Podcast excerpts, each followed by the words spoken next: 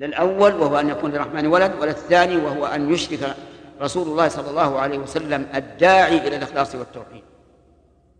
طيب إذن هم يقولون فإن يخرجوا منها فإنا داخلون يعني كأنهم مستبعدين غاية الاستبعاد أن يخرجوا منها. ولذلك ابتلوا بالتيه كما سيأتي إن شاء الله وهو الضياع وعدم الاهتداء إلى إلى هذا المكان. نعم. وتأمل أيضا آه، قولهم فإن يخرجوا منها فإنا داخلون. يعني يؤكدون دخولهم إذا خرج هؤلاء.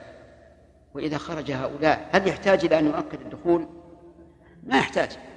لكن سبحان الله إذا تأمل حال هذه الأمة الغضبية وجد أنهم في غاية السفاهة في العقول كما أنهم في غاية الضلال في الدين. ومن رأى مزيد بيان في هذا في هذا الأمر فليرجع إلى كتاب ابن القيم رحمه الله إغاثة اللهفان فإنه تكلم عن خصائص الملل بما لا مزيد عليه. قال رجلان قال رجلان من الذين يخافون أنعم الله عليهما ادخل عليهم الباب. أولا نسأل عن آه، تركيب هذه الآية الكريمة. قال رجلان من الذين يخافون أنعم الله عليهم. رجلان معروف أنها نكرة أو معرفة. تأمل. قال رجلان نعم. بالإجماع. ما في مخالف؟ نعم. رجلان نكرة من الذين يخافون يجب أن تكون مع صفة لرجلان. يجب أن تكون صفة لرجلان. لأن النكرة ما يأتي بعدها من آه، الجملة وشبهها يكون صفة لها. طيب. آه، ويخافون هذه آه، صلة الموصول. من الذين يخافون صلة الموصول. أنعم الله عليهما. هل أنعم هنا؟ مفعول يخافون ولا منصوبة بفعل محذوف ولا إيه؟ نعم. أنعم. أنا أسأل عن أنعم ما أسأل عن إعرابها. أقول هل هي مفعول يخافون أو لا؟ نعم أنعم هذه فعل. ليست مفعولا. مفعول يخافون محذوف نقدر إن شاء الله بعد. أنعم هذه فعل. من الذين يخافون أنعم الله عليهم. أنعم فعل جملة فعلية. محلها من الإعراب صفة لرجلان. صفة لرجلان. ويجوز أن تكون حالا منها لأنها نكرة خصصت والنكرة إذا خصصت جاز وقوع الحال منها. عرفتم لكن قد يقول قائل أليس الأنسب في التركيب أن يقال قال رجلان أنعم الله عليهما من الذين يخافون؟ الجواب لا. لأن أنعم الله عليهما إن قدر أنها حال فالوصف التابع أولى بالموالاة. إن قدر أنها حال فالوصف التابع لموصوفه إعرابا أولى بالموالاة. لأن الحال تابعة لموصوفها معنى مفارقة له مفارقة له إعرابا. أفهمتم؟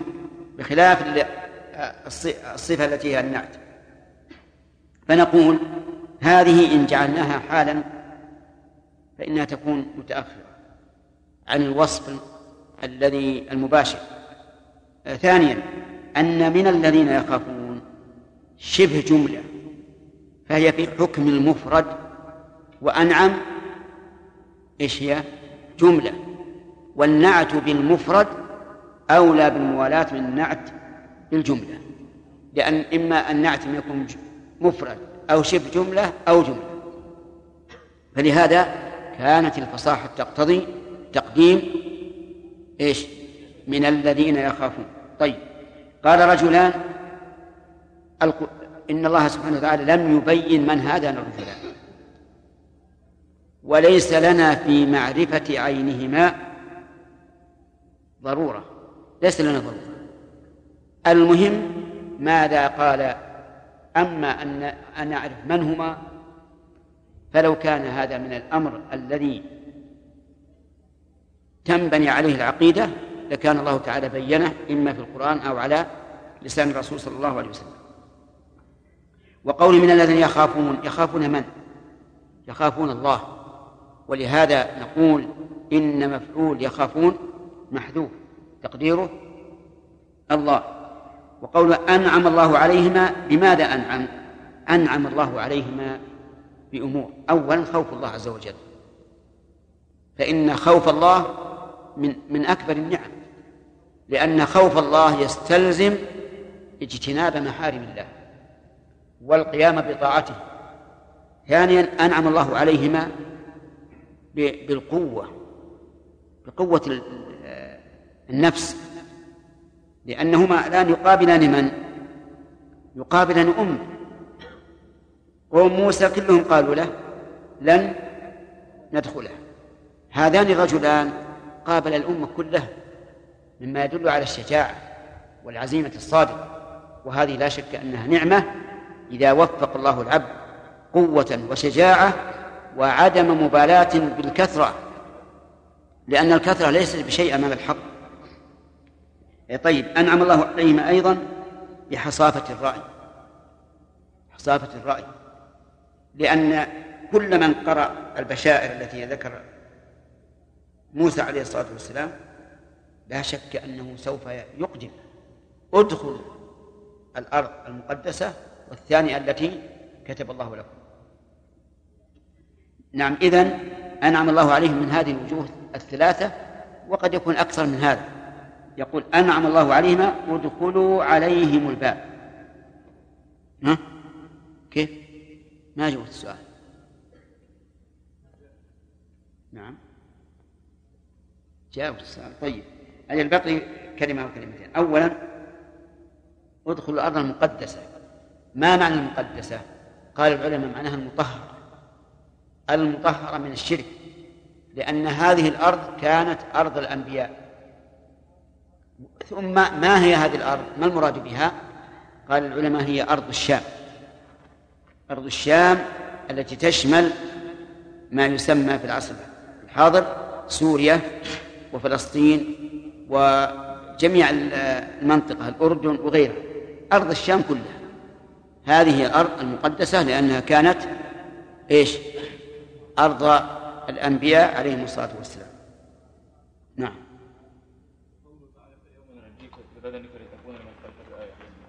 بعضهم يحمل هذه الآية على وجود بعض الأجسام الموتى لآل فرعون.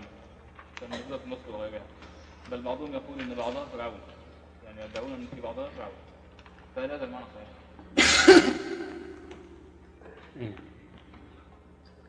أنت تعلم أن المدة طويلة. وتعلم أن المدة طويلة وأن الناس يخلقون من لا شيء شيئا. ألم تعلم أن رأس الحسين في النجف؟ وفي سوريا وفي مصر.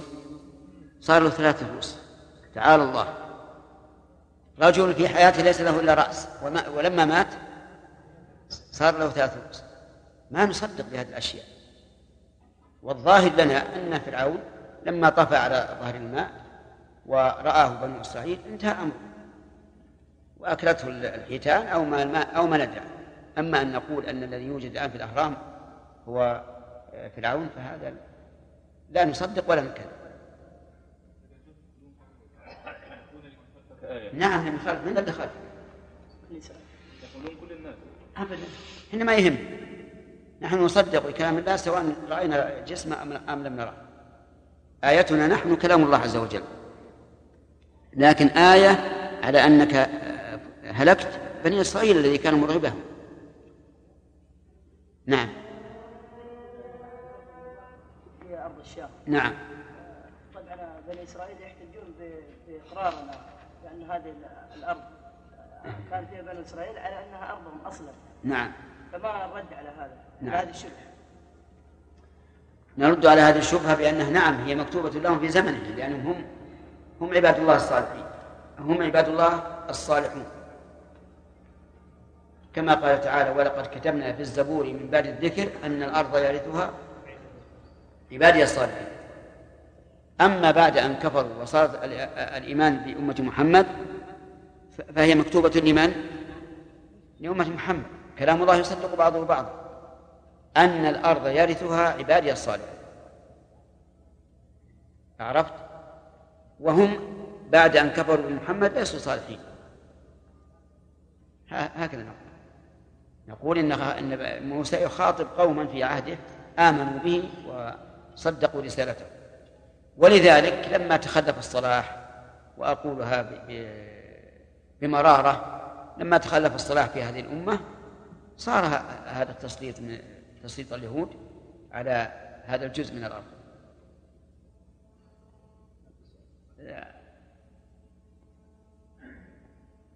صالح؟ نعم وقع البعض في تحجيم قضية الصراع مع اليهود على أنها صراع على الأرض وليس صراعا عقديا من هذا الباب. نعم. نعم هذا هذا من فوات الصلاح لأن الواجب علينا نحن أن نقاتل اليهود وغير اليهود ممن هم كفروا بالله لا على أساس الأرض ولكن على أساس العقيدة. ولهذا صاروا هم أقوى. فيجب تعديل النية وإصلاح العمل قبل كل شيء. إذا عدلت النية وأصلح العمل حصل خير كثير. نعم. أين قارئون؟ يلا يا عاطف. أعوذ بالله من الشيطان الرجيم. وإذ واعدنا موسى أربعين ليلة ثم اتخذتم العجل من بعده ثم اتخذتم العجل من بعده وأنتم ظالمون ثم عفونا عنكم من بعد ذلك لعلكم تشكرون. وإذ آتينا موسى الكتاب والفرقان لعلكم تهتدون.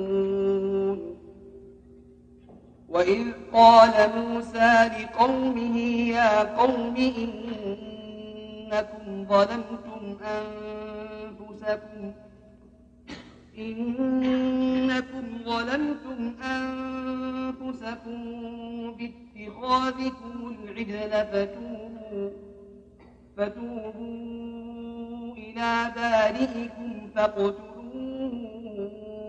أنفسكم فاقتلوا أنفسكم ذلكم خير لكم عند بارئكم فتاب عليكم. إنه هو التواب الرحيم. وإذ قلتم يا موسى لن نؤمن لك حتى نرى الله جهرة حتى نرى الله جهرة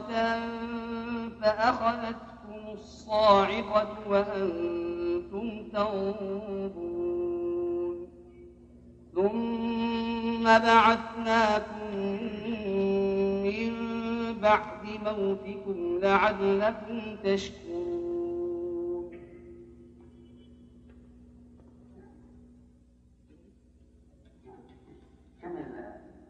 وظللنا عليكم الغمام وأنزلنا عليكم المن والسلوى. كلوا من طيبات ما رزقناكم وما ظلمونا ولكن كانوا أنفسهم يظلمون.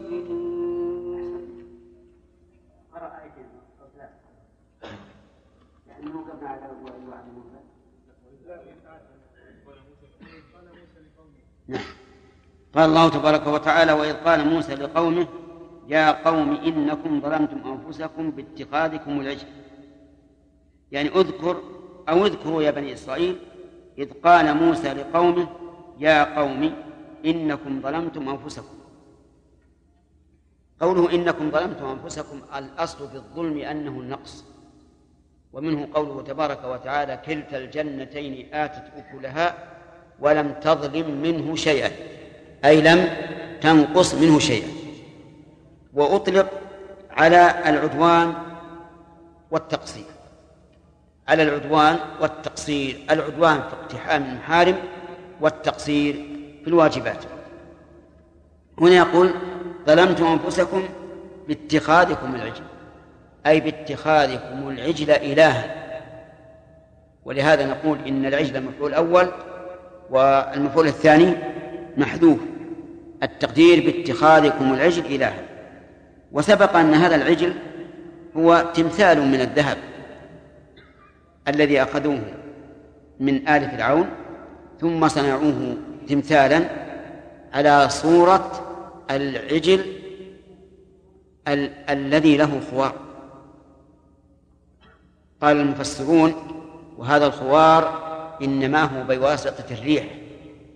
جعلوا دبره مفتوحا وتتعرج الريح في هذا الجوف ثم تخرج من الفم. فيكون له صوت كخوار الثوب. قالوا بعضهم لبعض إن موسى عليه الصلاة والسلام ذهب إلى إلهه يطلبه وأنه تأخر يبحث عنه. لأنه كان ذهب على أنه سيغيب ثلاثين يوم. لكنه زاده الله عز وجل أربعين عشرا فتم ميقات ربه أربعين ليلة. وهذا حكمة من الله عز وجل وابتلاء امتحان. قال إن قالوا إن موسى ذهب يطلب إلهه وهذا هو إله. هذا إله يقولون هذا إلهكم وإله موسى. فنسي قال الله تعالى أفلا يرون أنه لا يرجع إليهم قولا ولا يملك لهم ضرا ولا نفعا هم آه، اتخذوا العجل ظالمين بذلك أنفسهم. لأن النفس أمانة عندك. يجب أن ترعاها حق رعايتها. ولهذا قال الله تعالى لا تقتلوا أنفسكم. فجعلنا أمناء على أنفسنا. ونهانا أن نقتل النفس. وقال لا تظلموا فيهن أنفسكم. فنهانا أن نظلم أنفسنا. مما يدل على أن أنفسنا أمانة عنده وأنه لا يجوز التفريط بهذه الأمانة. ولهذا قال لهم إنكم ظلمتم أنفسكم باتخاذكم العجل فتوبوا إلى بارئكم. وفي قراءة إلى بارئكم توبوا أي ارجعوا. إلى بارئكم فتابوا لكن كيف توبتهم؟ قال فاقتلوا أنفسكم. اقتلوا أنفسكم. هذه طريق توبتهم. قالوا إن الله ألقى إليهم ألقى عليهم ظلما وحشروا في مكان. وأعطي كل واحد منهم خنجرا. وقيل له اقتل من أمامك. فقتلوا أنفسهم. وليس المعنى أنه دعاهم إلى الانتحار أن كل واحد يقتل نفسه. لا كل واحد يقتل أخاه. وتعلمون أن القبيلة الواحدة تعتبر نفسا نفسا واحدة. فاقتلوا أنفسكم. ففعلوا. قال موسى عليه الصلاة والسلام ذلكم خير لكم عند بارئكم. ذلكم المشار إليه التوبة بهذه الطريقة خير لكم عند بارئكم أي عند خالقكم وهو وهو الله عز وجل. فتاب عليكم. يعني لما تبتم تاب عليكم مع أن ذنبهم عظيم. لكن الله تعالى يتوب على من تاب. فتاب عليكم أي رفع عنكم الإثم والعقوبة. إنه هو التواب الرحيم. الجملة هنا تعليل للحكم السابق لها. وهو قوله تاب عليه. والتواب جمع تائب. التواب جمع تائب. وتوبة الله تعالى على العبد تنقسم إلى قسمين. القسم الأول توفيقه للتوبة. والقسم الثاني قبوله للتوبة. أما الأول وهو توفيقه للتوبة فهو قوله تبارك وتعالى وعلى الثلاثة الذين كلفوا حتى إذا ضاقت عليهم الأرض بما رحبت وضاقت عليهم أنفسهم وظنوا أن لا ملجأ من الله إليه إلا إليه ثم تاب عليهم ليتوب. أي وفقهم للتوبة ليتوب. وأما الثاني وهو قبول التوبة فهو ففي قوله تعالى وهو الذي يقبل التوبة عن عباده. فتوبة الله سبحانه وتعالى نوعان. آه، كما سمعت الرحيم أي ذو الرحمة. ورحمة الله تبارك وتعالى واسعة. تشمل المؤمن والكافر. وهذه الرحمة العامة. أما الخاصة فهي للمؤمنين. كما قال تعالى وكان بالمؤمنين رحيما. وقد جاءت الرحيم بهذه الصيغة وبصيغة الرحمن. الدال على السعة والعظمة. وبصورة الفعل. كما قال تعالى يعذب من يشاء ويرحم من يشاء. في هذه الآية فوائد منها بيان نصيحة موسى عليه الصلاة والسلام لقومه حيث بين لهم الذنب وحثهم على أن يتوبوا منه.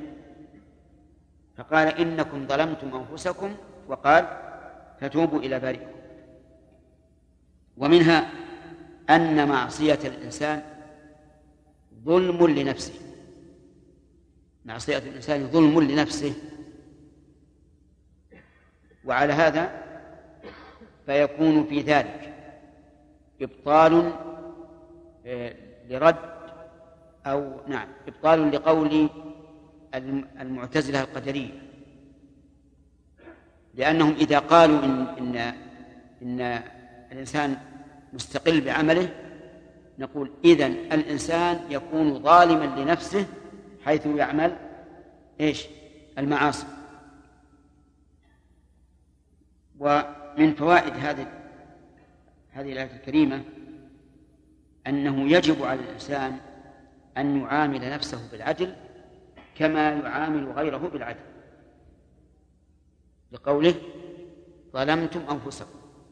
فكما أننا منهيون عن ظلم الناس فنحن منهيون عن ظلم أنفسنا. وهل يمكن أن نستدل بها على أنه لا يجوز للإنسان أن يتبرع بشيء من أعضائه لغيره؟ نعم يمكن. لأنه إذا تبرع بشيء من أعضائه لغيره فهو ظالم لنفسه. إن كان بعد موته فهذا انتهاك لحرمته بعد الموت. وقد قال النبي صلى الله عليه وسلم كسر عظم الميت ككسره حيا. وإن كان في حياته فهو ظلم لنفسه بفقد هذا العضو الذي تبرع به. ولنضرب ولنقل إنها إحدى الكليتين. في هذا ظلم لنفسه بلا شك.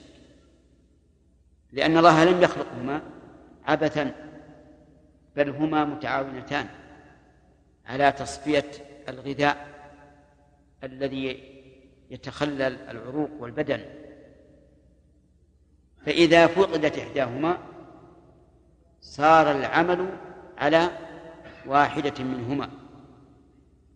وما أقرب أن تكل أن تكل وتمل وتعطب لا يقال إنها تقوم مقام واحد الثنتين الواحدة لا يقال إن الواحدة تقوم مقام الثنتين كما أن العين تقوم مقام العينين. لأن هناك فرقا بين عملية الكلى وعملية العينين. ولهذا قال العلماء رحمهم الله لو أن شخصا جنى على عين أعور فتلفت فعليه دية كاملة لأنه أذهب بذهابها البصر بخلاف الكلية. فيمكن أن نأخذ من هذه الآية الكريمة أنه يحرم على الإنسان أن يتبرع بشيء من أعضائه لأنه سوف يبقى العضو الباقي في تعب شديد. ثم نقول هب أنه قام بالوظيفة. لكن لو لو لو طرأ عليه مرض معناه ليس هناك ما يقوم مقامه فيهلك. وأما مسألة أن هذا من باب المساعدة والعطف وما أشبه ذلك يعني العطف على المريض فيقال لكن نفسك أبدأ ابدأ بنفسك ثم بمن تعود وهنا لا مجال لغيرك. من فوائد الآية الكريمة أن نعم وجوب التوبة وجوب التوبة لقوله فتوبوا إلى بارئكم. والتوبة هي رجوع الإنسان من معصية الله إلى طاعة الله. ولها شروط. الشرط الأول الإخلاص لله عز وجل. والثاني الندم على ما وقع من الذنب.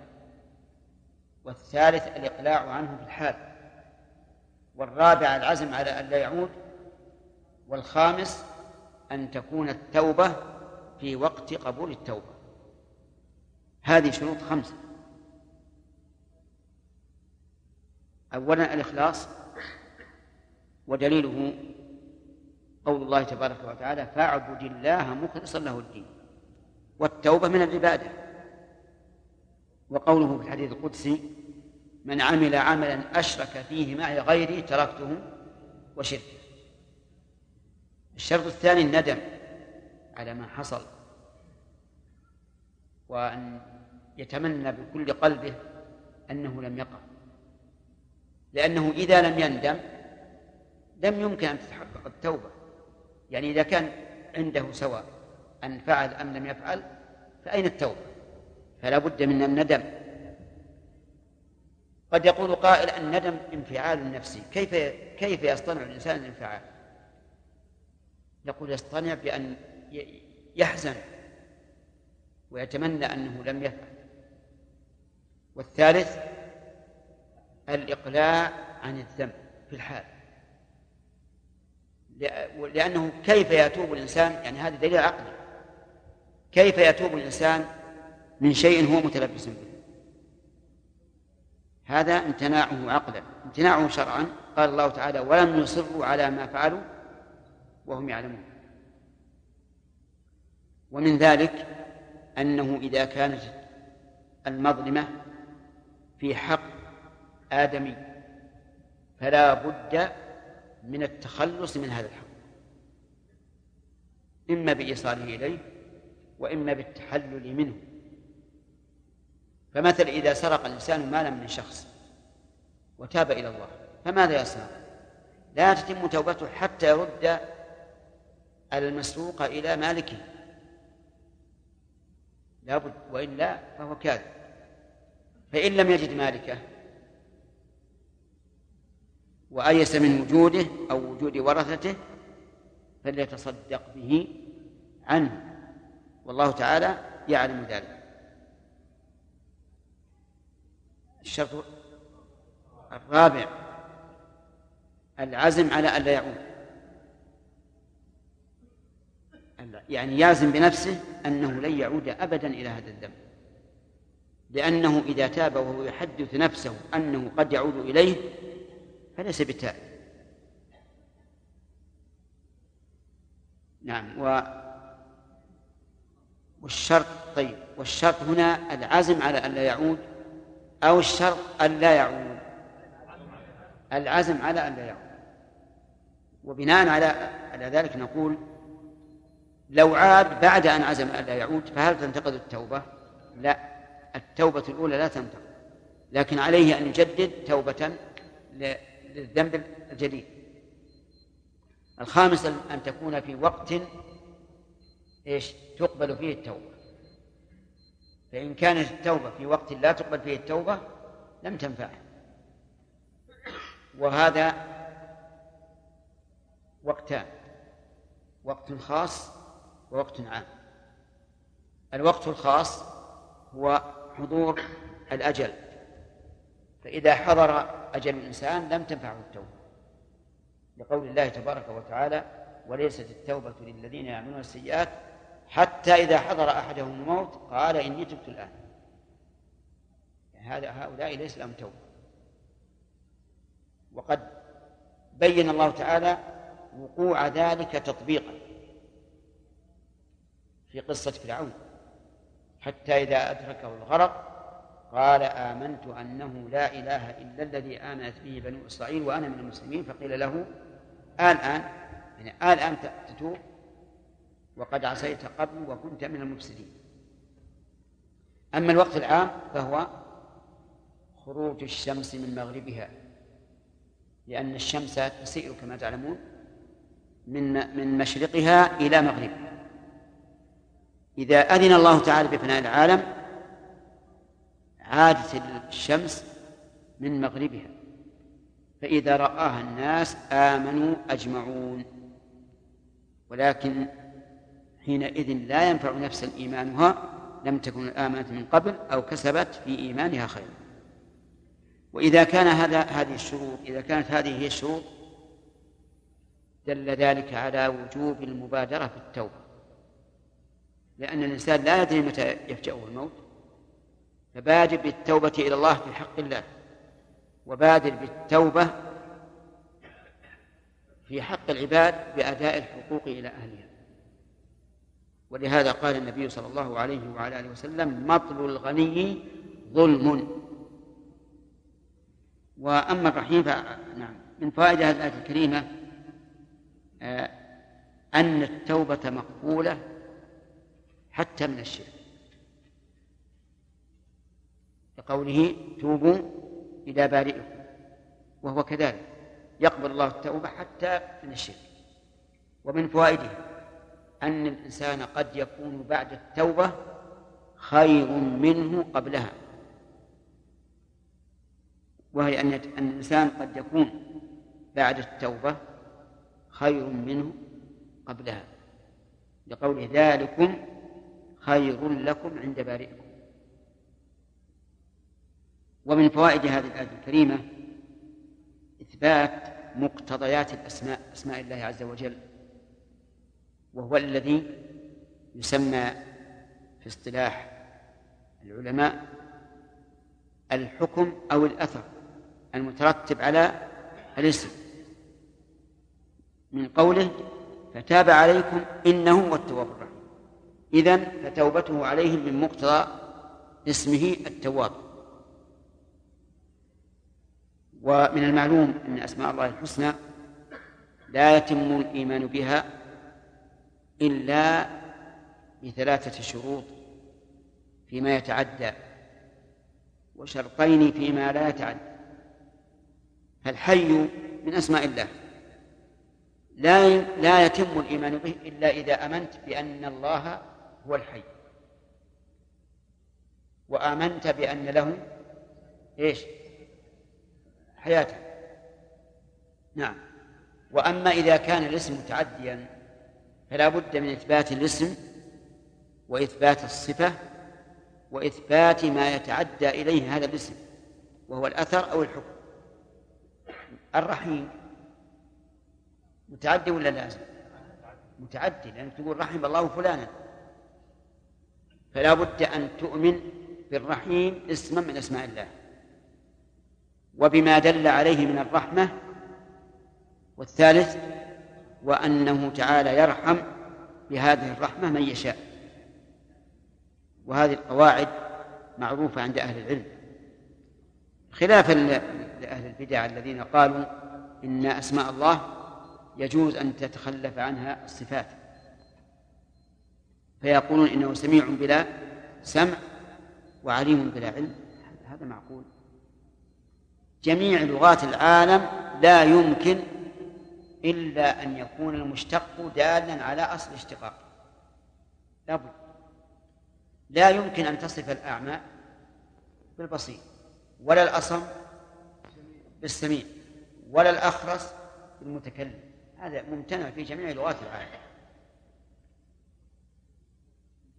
انتهى الوقت ولا؟ أي نعم. إن شاء الله ادخروها إلى إلى الدرس الثاني؟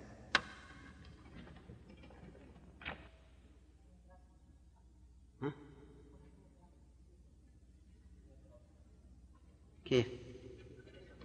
خطأ. 153 كم سطر؟ نعم يلا. أين قال؟ اقرأ الدرس الأول والثاني يلا سم بالله واستعذ بالله من الشيطان الرجيم. استعذ بالله من الشيطان الرجيم. أنا أقول سم الله الرجيم. أعوذ بالله من الشيطان الرجيم. قالوا يا موسى إن فيها قوما جبارين وإنا لن ندخلها حتى يخرجوا منها فإن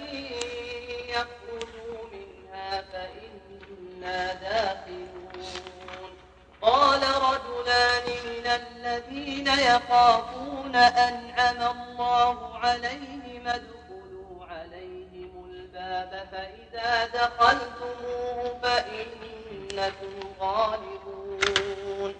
وعلى الله فتوكلوا إن كنتم مؤمنين. قالوا يا موسى ندخلها أبدا ما داموا فيها. فاذهب أنت وربك فقاتلا. إنا هاهنا قاعدون. قال رب إني لا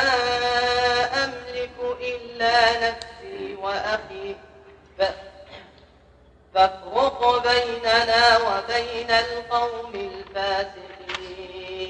قال فإنها محرمة عليهم أربعين سنة يتيهون في الأرض. فلا تأس على القوم الفاسقين. أظن قرأنا بعض ما قرأ. ها؟ قال الله تبارك وتعالى قالوا يا موسى إن فيها قوم جبال أخذ أخذنا فوائدها. إلى؟ قال رجلان من الذين يخافون أنعم الله عليهم ادخلوا عليهم الباب. إلى آخر. في هذه الآية الكريمة أن الله تعالى قد ينعم على بعض القوم ويفتح عليه بما لم يفتحه على أحد غيره ها؟ ما ما فسرناها؟ طيب. قال رجلان قال رجلان من الذين يخافون. أبهم الله تعالى الرجلين وذلك لأن تعيين الرجلين باسمهما لا لا يتوقف عليه فهم القضية وفهم الواقع. ولذلك تأتي آيات كثيرة وأحاديث كثيرة ليس فيها تعيين الإنسان بعينه لأن المقصود هو فهم القضية. وقول من الذين يخافون أنعم الله عليهم ما ذكرنا أن مفعول يخافون محذوف والتقدير يخافون الله. وذكرنا أن أنعم الله عليهما صفة لإيش؟ لرجلان. وتصح أن تكون حالا. فإن كانت حالا قلنا لا إشكال. لأن الحال وإن كانت وصفا لصاحبها إلا أنها تخالفه في الإعراب بخلاف النعت فإنه وصف وتابع في الإعراب. ولهذا قدم من الذين يخافون على قوله أنعم الله عليهم. وإن جعلت نعتا آخر فقد أخرت على عن قوله من الذين يخافون لأن النعت بشبه بشبه الجملة ألصق بالمنعوت من الجملة.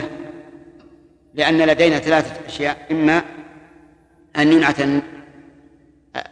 الموصوف بما يطابقه في الإفراد وإما أن ينعت بشبه الجملة وإما أن ينعت بالجملة. وأيها أقرب شبه الجملة أو الجملة؟ شبه الجملة. طيب. وقوله ادخلوا عليهم الباب أي سيروا إليهم ولا تشعروهم بأنكم سائرون. إيتوهم بغتة. ادخلوا عليهم الباب. بدون أن يكون هناك سابق علم. لأنه ما من قوم قوتلوا في ديارهم إلا ذلوا. ولهذا سأل النبي صلى الله عليه وعلى آله وسلم ربه حين أراد أن يجاهد أهل مكة فتح مكة سأل الله تعالى أن يعمي الأخبار عنهم حتى يبغتها في دارهم. أفهمتم؟ ولهذا قالوا ادخل عليهم الباب أي لا تنذروهم ولا تخبروهم أنكم قادمون عليهم. والباب فيها أل وأل هنا للعهد. أي عهد؟ العهد الذهني أي باب المدينة. نعم الباب فإذا دخلتموه فإنكم غالبون. يعني إذا دخلتم الباب فإنكم غالبون ولن يغلبوكم ستكون الغلبة لكم. وهذا آه، إرشاد وتوجيه. وعلى الله فتوكلوا. لما أمر هذان الرجلان هؤلاء القوم أن يعملوا الأسباب النافعة أرشدوهم إلى أن لا يعتمدوا على أنفسهم بل يتوكلون على الله. فقالوا وعلى الله فتوكلوا. والجار والمجرور في قوله فتوكلوا في قوله وعلى الله متعلق بقوله توكلوا. والفاء مزيدة لتحسين اللفظ. ولهذا لو قيل وعلى الله توكلوا لصح. ولا يصح هنا أن نجعلها عاطفة. لأن يعني لو جعلناها عاطفة والواو عاطفة ما استقام الكلام. ولكنها ولكن يقال إنها زيدت لإيش؟ لتحسين اللفظ. وقوله فتوكلوا. ما هو التوكل؟ التوكل قال العلماء إنه صدق الاعتماد على الله. صدق الاعتماد على الله أي أن يعتمد الإنسان على ربه اعتمادا اعتمادا صادقا مع الثقة به وحسن الظن وفعل الأسباب. أربعة أوصاف. الاعتماد صدق الاعتماد على الله. الثاني مع الثقة به. الثالث وحسن الظن والرابع فعل الأسباب. فإذا اجتمعت هذه الأوصاف الأربعة فهذا هو حقيقة التوكل. فمن اعتمد على الله لكنه في شك فإنه ليس ليس بمتوكل حقيقة. كذلك أيضا لو أنه اعتمد على الله ولكنه لم يثق تلك الثقة. إما لما يعلم من ذنوبه وإما لما يعلم من قصور الأسباب أو لغير ذلك فإنه لم يصدق التوكل. والثالث حسن الظن. وحسن الظن في التوكل أن يظن الإنسان بربه تبارك وتعالى أنه حسبه لقوله تعالى ومن يتوكل على الله فهو حسبه. وقول مع فعل الأسباب لأن هذا لا بد منه. إذ أن الله تعالى يقدر الشيء بسببه وهذا من تمام حكمته. فإذا قل انظر إلى قوله تعالى هو الذي جعل لكم الأرض ذلولا بعد فامشوا في مناكبها وكلوا من رزق فلا بد من سعي. وقال تعالى فإذا قضيت الصلاة فانتشروا في الأرض وابتغوا من فضل الله. فلا بد من فعل الأسباب ولكن بشرط أن تكون الأسباب شرعية. إما منصوصا عليها في الكتاب والسنة وإما معلومة بالتجارب الذي يشهد له القدر. نعم. يقول وعلى, الله فتوكل. إن كنتم مؤمنين. هذا شرط في إخلاص التوكل على الله عز وجل. إذ لا يتوكل على على الله تمام التوكل إلا من كان عنده إيمان بما وعد الله به في قوله ومن يتوكل على الله فهو حسبه. فتوكلوا إن كنتم مؤمنين. وبعد هذه المشورة وهذا التوجيه الحسن النافع انظر الجواب. قالوا يا موسى إنا لن ندخلها أبدا. ما داموا فيها. إنا لن ندخلها أبدا ما داموا فيها. وهذا النفي نفي لفعلهم الشرعي أو نفي لفعل الله القدري. الأول الأول. يعني لا يمكن أن ندخلها ما داموا فيها طيب وإذا وإذا ذهبوا عنها؟ نعم. دخلوها. ما هذا كلام هذا. معلوم أنك إذا وجدت قرية خالية ما في أحد وأنت تريد أهلها معلوم أنك ستدخل. لكن هذا هذه عقلية بني إسرائيل. لن ندخلها أبدا ما داموا فيها. فاذهب أنت وربك فقاتل. يقولان يقولون لموسى اذهب أنت وربك. فمن ربه؟ قال بعض المفسرين ربه هو هارون. أرادوا هارون لأن الرب يطلق على السيد وهارون أكبر من موسى والأكبر من الأخوين يكون سيدا للأصغر منهما. لكن هذا بعيد. بعيد والظاهر أنهم أرادوا الرب رب العالمين عز وجل لأن موسى يدعوهم إلى الله وإلى ربهم تبارك وتعالى فكأنهم من أجرفتهم وكبريائهم وغطرستهم. يقول ما دام لك رب اذهب أنت وربك فقاتل. فأرادوا من الله أن ينزل الميدان قتلهم الله. ويقاتل مع من؟ مع موسى. اذهب أنت وربك فقاتلا. ومع ذلك إن ها هنا قاعد ها هنا في المكان. القريب. لأن هنا للقريب هنالك للبعيد.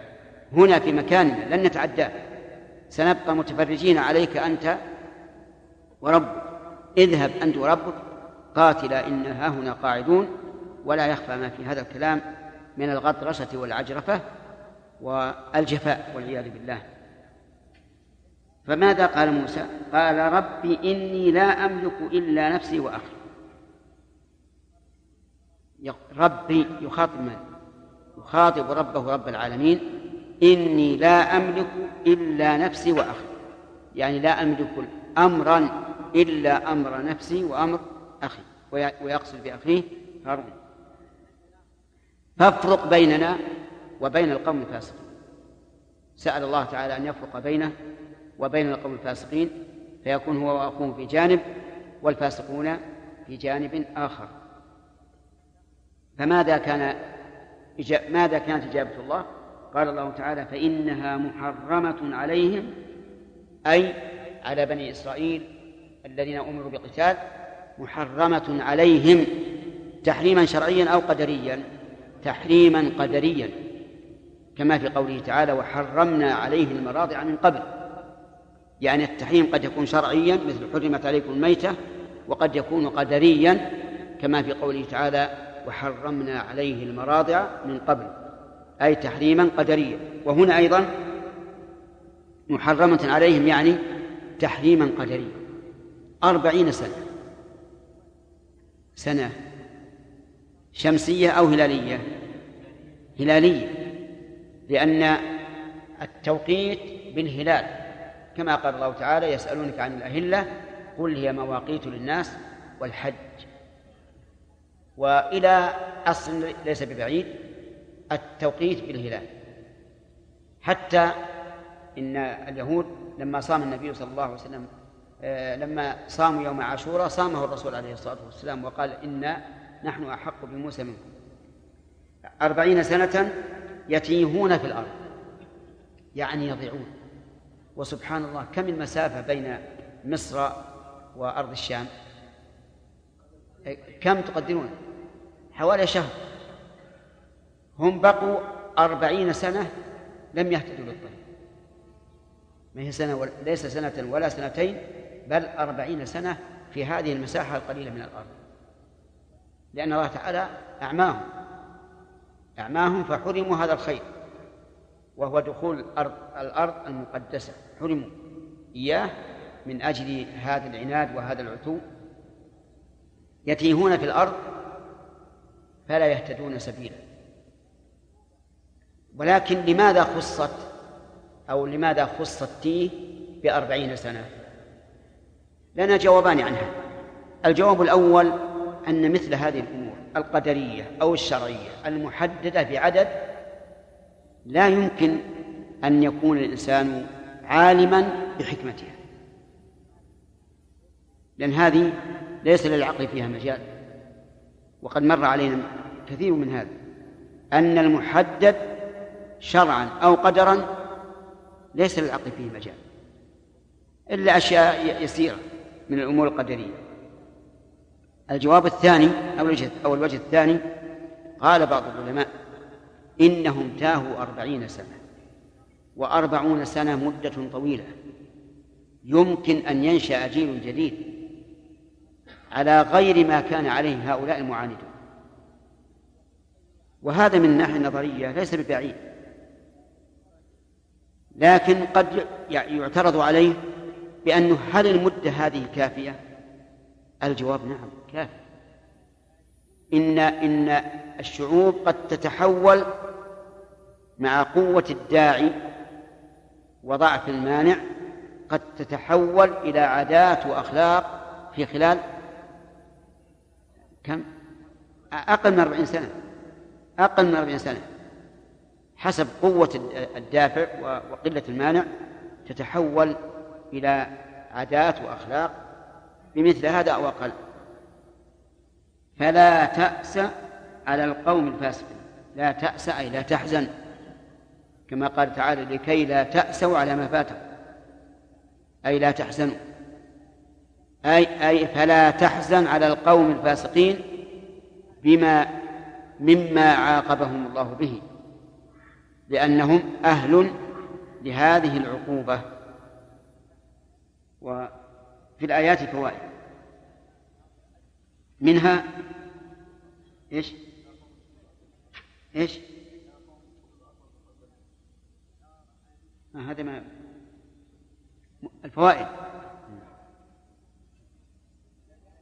آه، من فوائد الآيات أولا قوله تعالى يا قوم عن موسى يا قوم ادخلوا الأرض المقدسة فيه فوائد منها فضيلة أرض الشام. لقوله المقدسة وسبق أن معنى المقدسة أي مطهرة من الأوثان والشرك لأنها بلاد الأنبياء. ويدل لفضيلتها قول الله تبارك وتعالى سبحان الذي أسرى بعبده ليلا من المسجد الحرام إلى المسجد الأقصى الذي باركنا حوله. نعم. الذي باركنا حوله. هذا أيضا من تقديسه.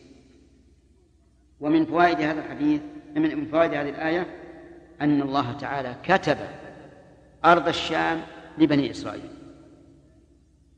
لقولها التي كتب الله لكم. ومن فوائدها أنه ينبغي للداعية أن يذكر ما يهيج النفوس ويغريها بالقبول لأنه هنا ذكر أن الأرض مقدسة وأن الله كتبه كتبها لهم. والثالث قوله ادخلوا الأرض. وكأن هذه هذا بشارة بأنهم سوف ينتصرون وسوف يدخلون الأرض. فكان هنا آه، البشارة من وجوه ثلاثة. عقيدة. آه ما هي؟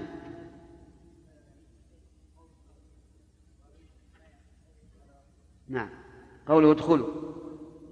والثاني التي كتب الله له. والثالث المقدس. طيب. من فوائد من فوائد الآية الكريمة آه أن الكتابة نوعان. شرعية وقدرية. الآية في معنى كتابة قدرية. كتابة قدرية. والكتابة القدرية تأتي غالبا مقرونة باللام. والكتابة الشرعية تأتي غالبا مقرونة بعلى وهذا غالبا لا دائما بدليل قوله ولولا أن كتب الله عليهم الجلاء. والكتابة هنا قدرية ولا شرعية؟ قدرية ما في إشكال. نعم. ما فرض الله عليهم الجلاء فرضا شرعيا ولكن قدريا لكن الغالب أن القدرية باللام والشرعية بعلى آه، من فوائد هذه الآية الكريمة أن بني إسرائيل أحق بأرض الشام من غيرهم. لقوله التي كتب الله لكم ماذا تقولون؟ أي نعم. نقول هم أحق الناس بها وهي مكتوبة لهم حين كانوا مؤمنين. فهي كتبت لهم لا لأنهم من بني إسرائيل بل لأنهم مؤمنون. ولا شك أنهم في في عهد موسى هم أفضل أهل الأرض.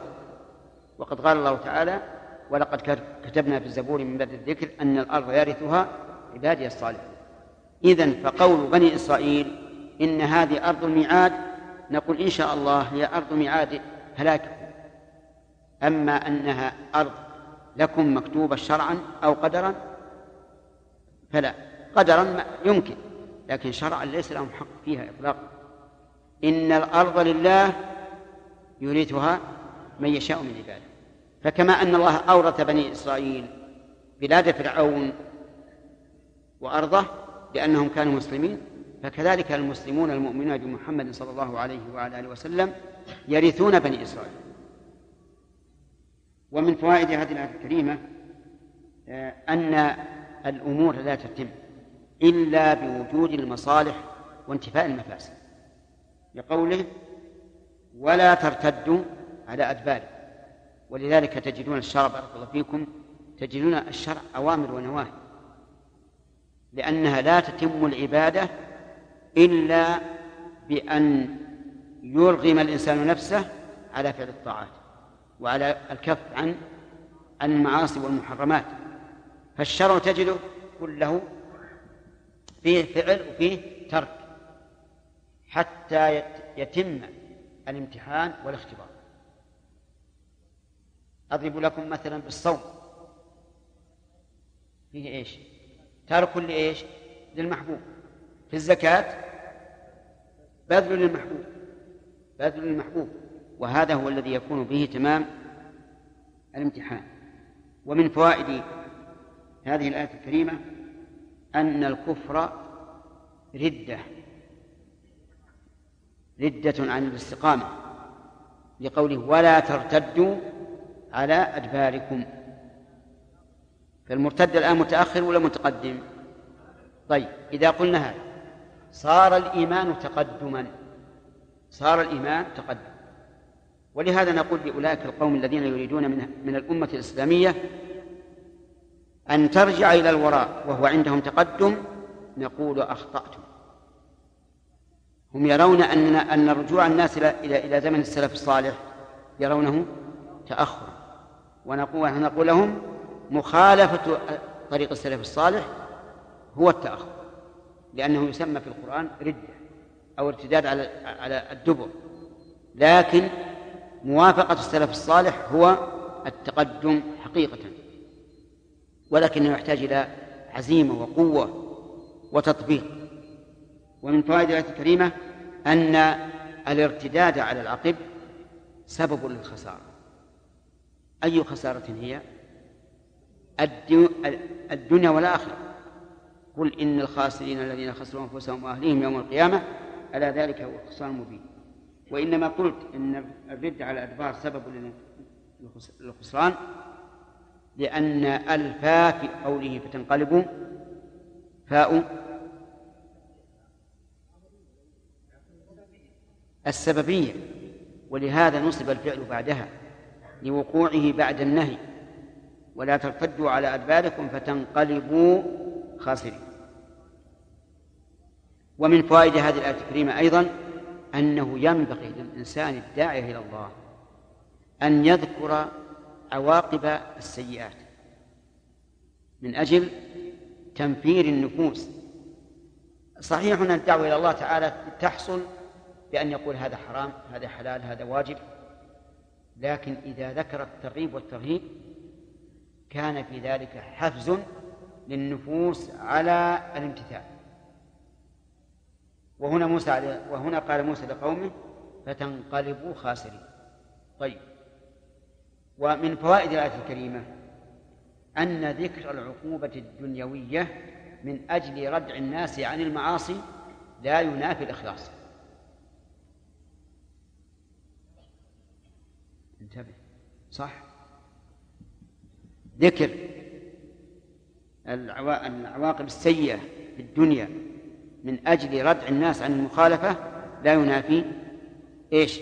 لا ينافي الإخلاص. ولهذا كان الرسل يقولون هذا يحذرون أقوامهم.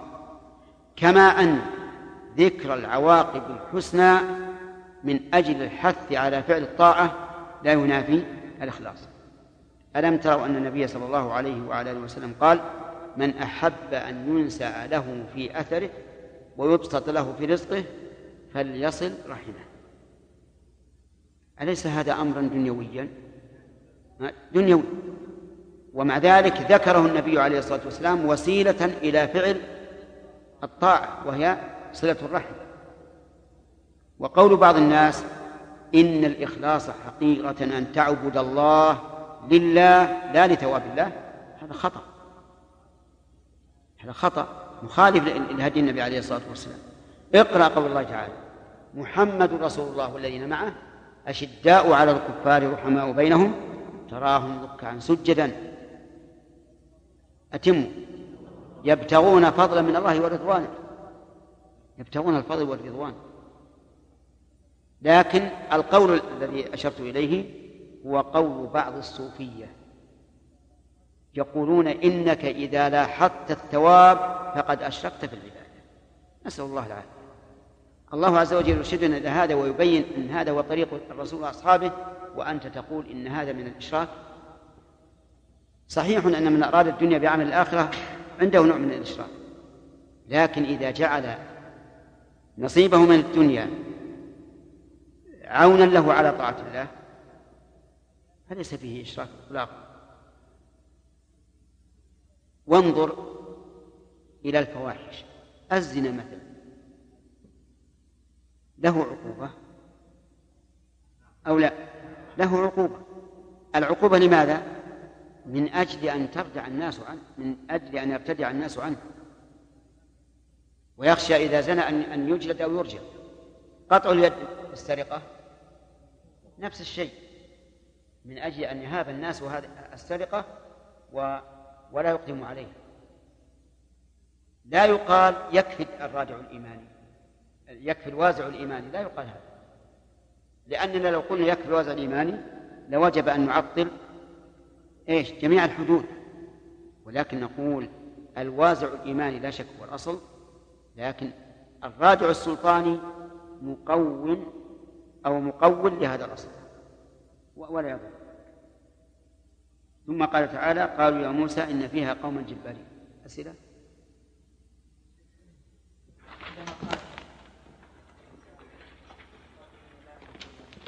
نعم. أي اعتبارا والله أعلم اعتبارا بالأكثر. اعتبارا بالأكثر. لا. ما يصير لأن كيف قال رجلان وهو في في مخاطبة في مخاطبة موسى لقومه. فالرجلان غير الداعي. ولو قلنا إن إنه إن موسى وهارون فسد المعنى نعم.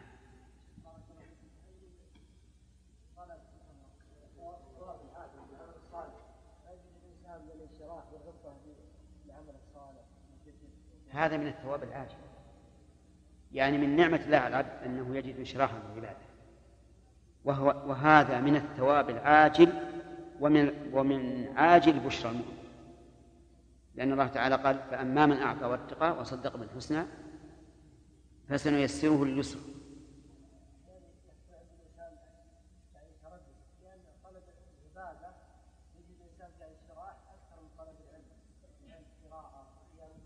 نعم السبب في ذلك لأن إخلاص لأن إخلاصنا في طلب العلم فيه شيء من الخدوش. وإلا لو لو شعرنا الآن أننا نطلب العلم ونحن مجاهدون في سبيل الله. لصار لصارت صدورنا لصارت صدورنا أشد انشراحا. لكن مع الأسف أن كثير من طلاب العلم يقصدون بالعلم أو بطلب العلم التوسع في طلب فقط. وهذه لا شك أنه نقص. أنا أقول طالب العلم يقصد بطلب العلم نصرة هذا الدين وحماية هذا الدين من أعدائه. وبهذا ينشرح الصدر. بهذا ينشرح الصدر. ولهذا تجد الإنسان إذا لاحظ هذا الملحظ إذا فهم مسألة من مسائل العلم رآها غنيمة. درة غواص لا يمكن أن يفرط بها. بها إطلاقا. نعم. تعالى سبحان الذي أسرى بعبده الليل إلى آخر الآية بالدلالة على قدسيه وقداسة أرض الشام. نعم. هل هل لنا نقول عفى الله عنك؟ باننا كلما كلما ابتعدنا عن المسجد الأقصى وأرض المسجد الأقصى كلما قلت القداسة.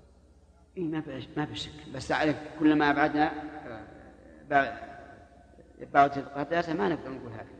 بل نقول إذا فارقناها بعد لكن هذا في زمن موسى. في زمن محمد عليه الصلاة والسلام لا شك أن المسجد الحرام أشد قداسة. المسجد النبوي أشد قداسة.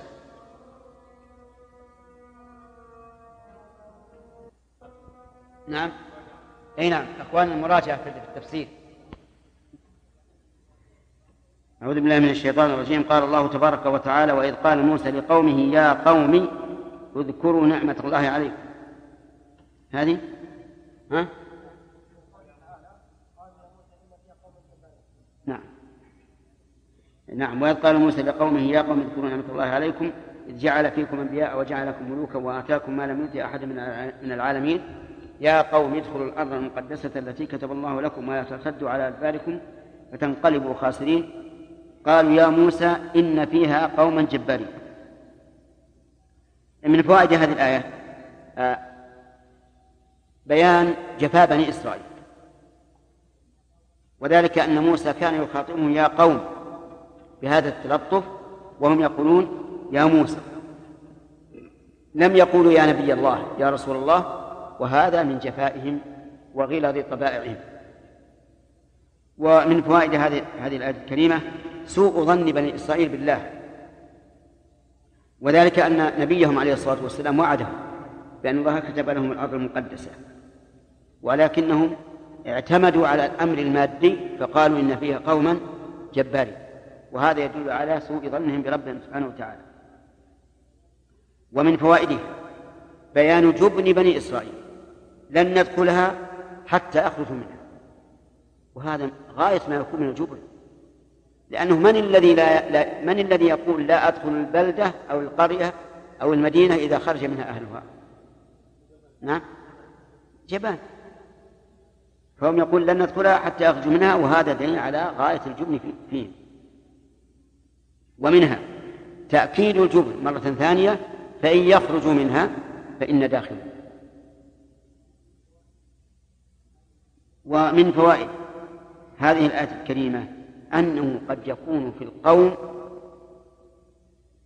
المتكبرين المعارضين من فيه الخير والصلاح والإصلاح. لقوله قال رجلان من الذين يخافون أنعم الله عليهم.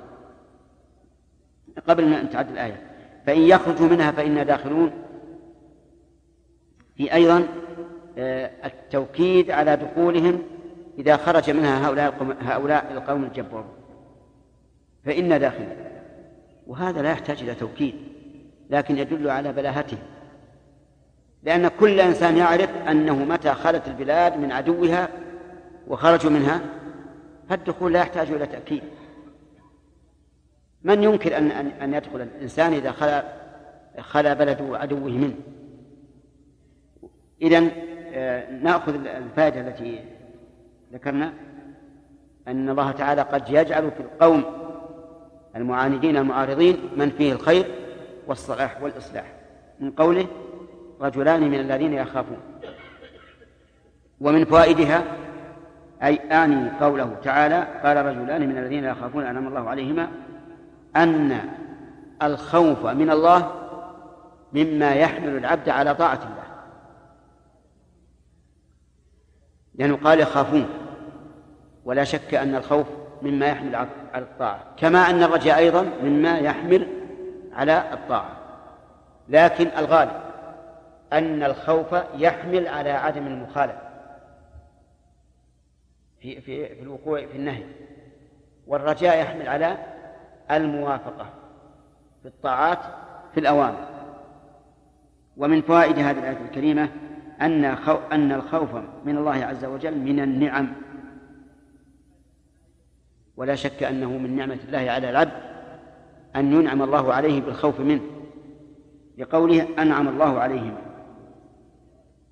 ومن فوائد هذه الآية أنه ينبغي لمن أراد غزو بلد أن يعمي الأخبار عن أهلها. لقوله لقول هذين الرجلين الناصحين ادخلوا عليهم الباب. يعني ولا يعلمون ولا يعلمون بكم حتى تدخلوا الباب. وقد ذكرنا لذلك شاهدا في في فتح مكة حيث أن النبي صلى الله عليه وعلى آله وسلم سأل الله أن يعمي عن قريش الأخبار حتى يبغتها في بلادها ومن فوائد هذه الآية الكريمة أن من غزي في عقر داره فهو دليل. وهذا مثل مشهور. ما غزي قوم في عقر دارهم إلا ذلوا. نعم. يؤخذ من قوله ادخلوا عليهم الباب فإذا دخلتموه فإنكم غالبون. وأهل البلد مغلوبون. نعم. ومن فوائد هذه الآية الكريمة أن الدخول على البلدة لا يكون بتسور بتسور الجدر وإنما من من الباب. ولهذا لما حاصر الصحابة رضي الله عنهم حديقة مسيلمة الكذاب ما تسوروا الجدران بل فتحوا الباب ثم دخلوا. وكان البراء بن مالك رضي الله عنه مشهورا بالشجاعة والقوة وطلب منهم أن يرموه من وراء السور من أجل أن يفتح لهم الباب. ففعلوا فدخل ففتح لهم الباب. فتح لهم الباب ودخل الناس هذه الحديقة وحصلت حصل النصر.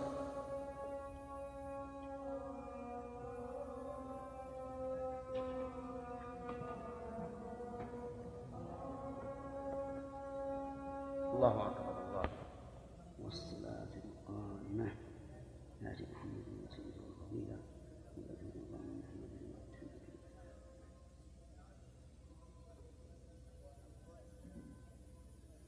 ومن فوائد الآية الكريمة أن التوكل من أسباب على الله من أسباب النصر.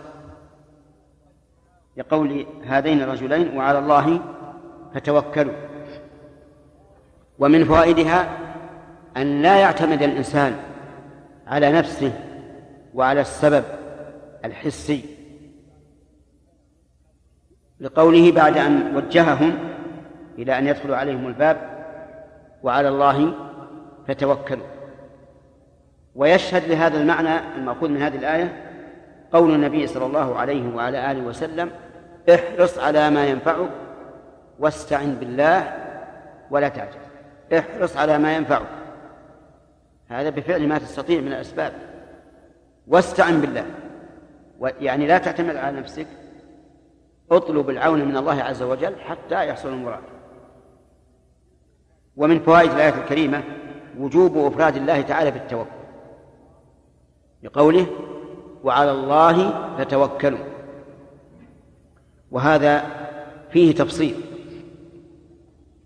وذلك أن التوكل المطلق أن التوكل المطلق الذي فيه تفويض المتوكل أمره إلى المتوكل عليه. هذا لا يجوز إلا لله. والمتوكل على الله بهذا المعنى يشعر بأنه بحاجة وافتقار إلى الله عز وجل. وأما التوكل وهو الاعتماد الجزئي الذي لا يشعر المتوكل أنه مفوض أمره إلى هذا وأنه آه، أي المتوكل عليه هو الذي يمكن أن يقضي حاجته فهذا لا بأس به. ولذلك جاءت جاءت السنة بجواز توكيل الغير والاعتماد عليه فيما وكل فيه. فمثلا تقول يا فلان اشتر لي كذا وكذا. أنت لا اعتمدت عليه. لكن هل هذا اعتماد افتقار أو اعتماد معونة؟ الثاني معونة فأنت الآن تشعر بأن هذا الرجل لست مفتقرا إليه لو شئت لعزلته وهو أيضا لا يمكن أن يأتي بمرادك. قد يعتريه مرض وقد يمنع منه إلى آخره. لكن توكل توكل العبد على الله عز وجل وأسأل الله أن يجعلنا وإياكم متكلين عليه. يشعر الإنسان بأنه في حاجة إلى الله وأنه قد فوض أمره إلى الله عز وجل. ومن ثم لا يمكن أن نقول إن التوكل على غير الله إنه شرك. لأنه كما قلت لكم الفرق العظيم بين هذا وهذا ظاهر. لكن قد يتوكل الإنسان ويعتمد الإنسان على من ينفق عليه مثلا. الابن يعتمد على أبيه في حصول النفقة. فهنا المسألة دقيقة جدا. كذلك الموظف يعتمد على وظيفته. هذه مسألة دقيقة. إن أشعرت نفسك بأن هذا سبب محض وأن الذي جعله سببا هو الله وأن الله قادر على أن يمنع نفوذ هذا السبب. وجعلت الأمر كله إلى الله عز وجل فإن ذلك لا ينافي التوكل. لا أصله ولا كمال. وأما إذا اعتمدت عليه وعلقت قلبك به فإن هذا بلا شك نوع من الشرك. نوع من الشرك. إن نسيت الله بالكلية والعياذ بالله وجعلت هذا هو الذي يجلب لك الأمور بنفسه فهذا أكبر وإلا كان أصغر. ومن ذلك ومن ذلك ما يقع كثيرا للمرضى أنه يعتمد على الطبيب اعتمادا كليا حتى أنه يشعر بنفسه أن الشفاء كان منه. لكن وهذا خطر عظيم. أما إذا اعتمدت على الطبيب على أنه سبب والمسبب هو الله عز وجل وأن الله تعالى إن قدر لك الشفاء فهو الذي شفاك. وإلا فالطبيب لن ينفعك. وغاية ما هنالك أنني أذهب إلى الطبيب كما أوقد النار لطهي طعامي مثلا. فهذا لا بأس به. ولا بد أن يكون في القلب شيء من التعلق بمن ينفعه لكن يجب أن نجعل الأول والآخر هو الله عز وجل. ومن فوائد هذه الآية الكريمة أن إفراد الله بالتوكل من الإيمان. لقوله إن كنتم مؤمنين. وأن نقص التوكل على الله نقص في الإيمان. لأن ما رتب على شيء ازداد بزيادته ونقص بنقصه. طيب. ومن ثم قال عز وجل قالوا يا موسى إنا لن ندخلها إلى آخر الآية. في هذه الآية ما, ما ذكرنا في الآية قبلها جفاء بني إسرائيل حيث يخاطبون نبيهم باسمه العلم دون وصفه بالرسالة والنبوة ومن فوائدها إصرار بني إسرائيل على المعصية. وعلى الجبن والخور لقولهم لن ندخلها أبدا ما داموا فيها. وهذا واضح أنهم مصرون على معصية نبيهم الذي قال ادخل الأرض المقدسة. ومن فوائد هذه الآية الكريمة الغطرسة العظيمة في بني إسرائيل حيث قالوا لموسى عليه الصلاة والسلام فاذهب أنت وربك فقاتلا إنها هنا قائل حتى اذهب وصيغت و و وصيغتها بهذه الصيغة كأنهم آمرون لموسى أيضا فيه استعلاء واستكبار. اذهب أنت وربك. يعني ما رجوا رجاء وقالوا ألا تذهب يا رسول الله أو يا نبي الله أو ما أشبه ذلك. اذهب أنت وربك فقاتل ثم فيه وجه, وجه ثالث في الغطرسة.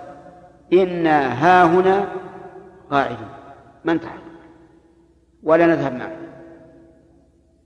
لم يقولوا مثلا إننا ردء لك. نحميك من ظهرك. وما أشبه ذلك. ففيها أيضا كمال الغطرسة من بني إسرائيل.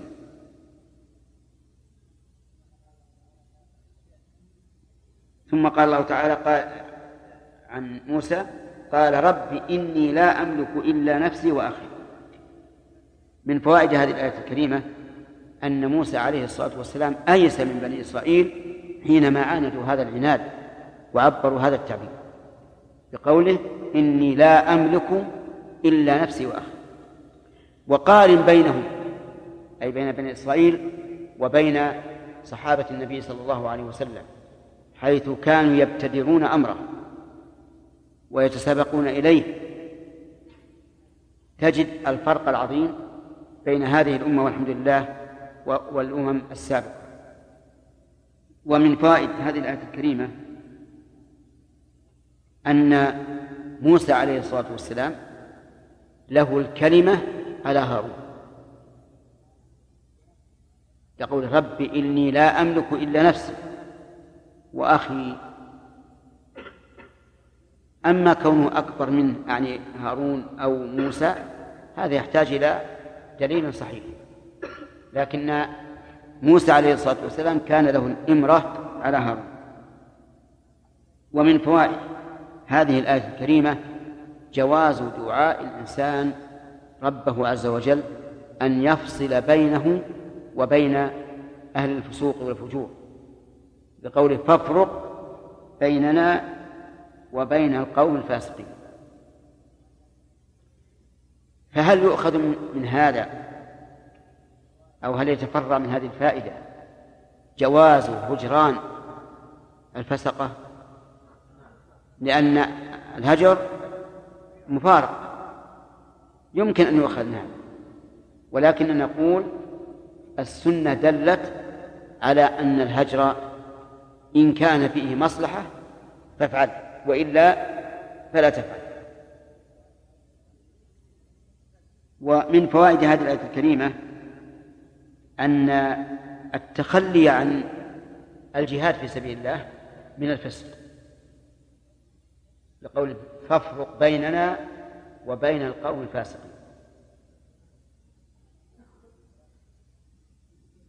هل نقول ومن فوائدها الأخذ بالأكثر لأن من بني. لأن. من من بني إسرائيل قوم موسى من كانوا على الحق الرجلان الذين اللذان قالوا قال آه، ادخلوا عليهم الباب هل هم ف... هل هما فاسقان؟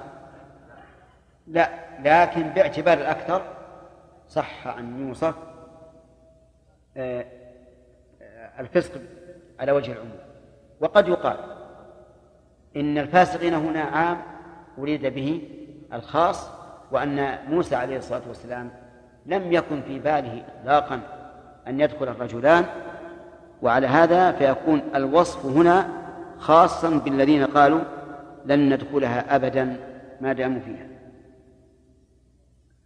ومن فوائد هذه الآية الكريمة في قوله نعم وقال الله تعالى فإنها محرمة عليهم إلى آخره. من فوائد هذه الآية الكريمة استجابة الدعاء. لقوله قال فإنها محرمة. واستجابة الله للدعاء. تتضمن عدة صفات. منها الاستجابة. ومنها العلم. ومنها السمع. ومنها القدرة. كل هذه ثابتة بالاستجابة. لأنه لو لم يسمع لم يستجب. لو لم يعلم ما يريد الداعي لم يستجب. لو لم يقدر إيش؟ لا, لا لم لم يستجب أيضا. و ومن فوائدها أن التحريم يطلق على المنع القدري. لقوله قال فإنها محرمة عليهم أربعين سنة. لأننا نعلم أن الله لم يرد أن الله حرم عليهم دخولها شرعا لكن قدرا. وهو كذلك يعني أن التحريم يكون كونيا ويكون شرعيا. وقد وقد ضربنا لذلك أمثلة أثناء الكلام على تفسير الآية من التحريم القدري الكوني قوله تعالى في موسى وحرمنا عليه المراضع من قبل تحريما شرعيا أو قدريا؟ قدريا. ومن التحريم الشرعي قوله تعالى حرمت عليكم الميتة والدم وقوله وعلى الذين هادوا حرمنا كل ذي ظفر. ومن فوائد هذه الآية الكريمة آه، إرشاد إرشاد الإنسان أن لا يحزن على الفاسق لأنه إذا بذل جهده فيما يجب من الدعوة فإن هداية الخلق ليست إليه إلى الله فلا يحزن ولهذا قال الله لا تأس على القوم الفاسقين. وقال النبي عليه الصلاة والسلام لعلك باخع نفسك ألا يكونوا مؤمنين. وقال لعلك باخع نفسك على آثارهم إن لم يؤمنوا بهذا الحديث أسفا. والآيات في هذا متعددة. فالإنسان إذا بذل الجهد بقدر المستطاع فلا ينبغي أن يحزن ويشتغل بعيوب غيره عن عيوب نفسه ولا يأس على قوم الفاسقين وكثير من الناس يكون عنده غيرة فتجده يشتغل بمعاصي غيره وعيوب غيره وينسى نفسه وهذا خطأ. أهم شيء عليك نفسك نفسك. أهم شيء عليك نفسك. عدلها ثم اسعى في إصلاح الآخرين. وإلى هنا انتهى الموقف. ويقول عز وجل واتل علينا نبأ ابن آدم بالحق. تكون هذه إن شاء الله بعد برمضان بعد رمضان لأن قررنا بمشورتكم أن تكون الليالي الباقية آه، في صحيح مسلم أظن حتى نكمل أي حتى نكمل الصيام. نعم.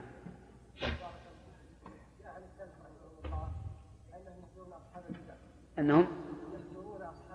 نعم. ولكن الآن يعني بناء على القاعدة أن الهجر فيه المصلحة نعم. وإن صحت بدعة ويعني قد حاول الإنسان معه فلم ينتهي من هذه البدعة ويرى أنه لو هجره ما يستفيد من شيء. نعم. بل ربما يعني طالب العلم هذا يعني يحال بين بين اناس يدعوهم إلى الله عز وجل بسبب هجران صاحب هذه البدعة وهو مترأس فيها. هل الأول شيخ واحد يعني يسايرهم وهو يدعو إلى المنهج القويم والمنهج الصحيح؟ يعني بحيث لا يعني هذا اللي إحنا نرى. هذا اللي نرى. إذا كان هجران العاصي أو المبتدع لا يزيد الأمر إلا شدة. فأنت إنما هجرت ليش؟ للإصلاح. للاصلاح ولاجل أن يبتدع. هو ما هو مرتدع. يمكن يزيد في الشر.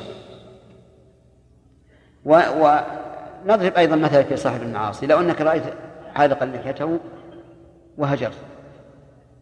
هل إنه سوف ينتهي عن ذلك؟ إن كان ينتهي فلا بأس. طيب اهجر. أما إذا كان لا ينتهي وإنما يزداد كراهة لك ولما تدعو إليه من الحق وسيستمر فأي فائدة؟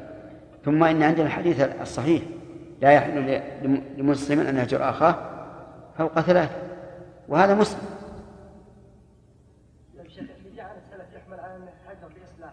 ما في شك لإصلاحهم أو لخوف أن يغتر بهم الخلق طيب أن هذا يقع في أي.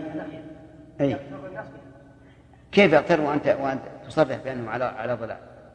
لا لو على ضلال علنا نعم. ما هو ما على كل حال ما على كل حال إذا أنت خصصتهم بأعيانهم صحيح. لكن إذا قلت قال بعض الناس كذا أو يقال كذا ما ما ينفرون نعم. ما حكم وصف موسى عليه السلام بالعصبية لهذه المواقف؟ نعم. أولا غضب وإلقاء وإلقاء للألواح أي نعم. هذا مو معنى الآن. إلا في القصة ذكر. هذه؟ في سورة البقرة وبعض الأسباب. لكن في هذه اللي إحنا نقرأ الآن نعم منها ما هو موجود في الأسباب الآن طيب. نعم. غضب وإلقاء للألواح نعم. تعنيفي لهارون قبل سؤاله وأخذه بلحيته نعم. قتله للرجل الفرعوني. نعم. تسرعي بالسؤال في قصة الخضر واختيار نعم. الخضر في قصة الخضر واختياره المصير الأدنى إذ قال له إن سألتك عن شيء بعده فلا تصاحب نعم. فما حكم وصف موسى عليه السلام بالعصبية بسبب هذه؟ ن- نقول ال- الذي وصفه بالعصبية هل أنت تخبر مجرد خبر؟ فلا تعرض المسألة على هذا الصفة بل قل إن, موسى عليه الصلاة والسلام عنده غيرة وعنده قوة. وما أشبه ذلك من, من الوصف الذي تجعله مدحا لا قدحا وأما إذا أردت القدح فيه فالقدح فيه كفر.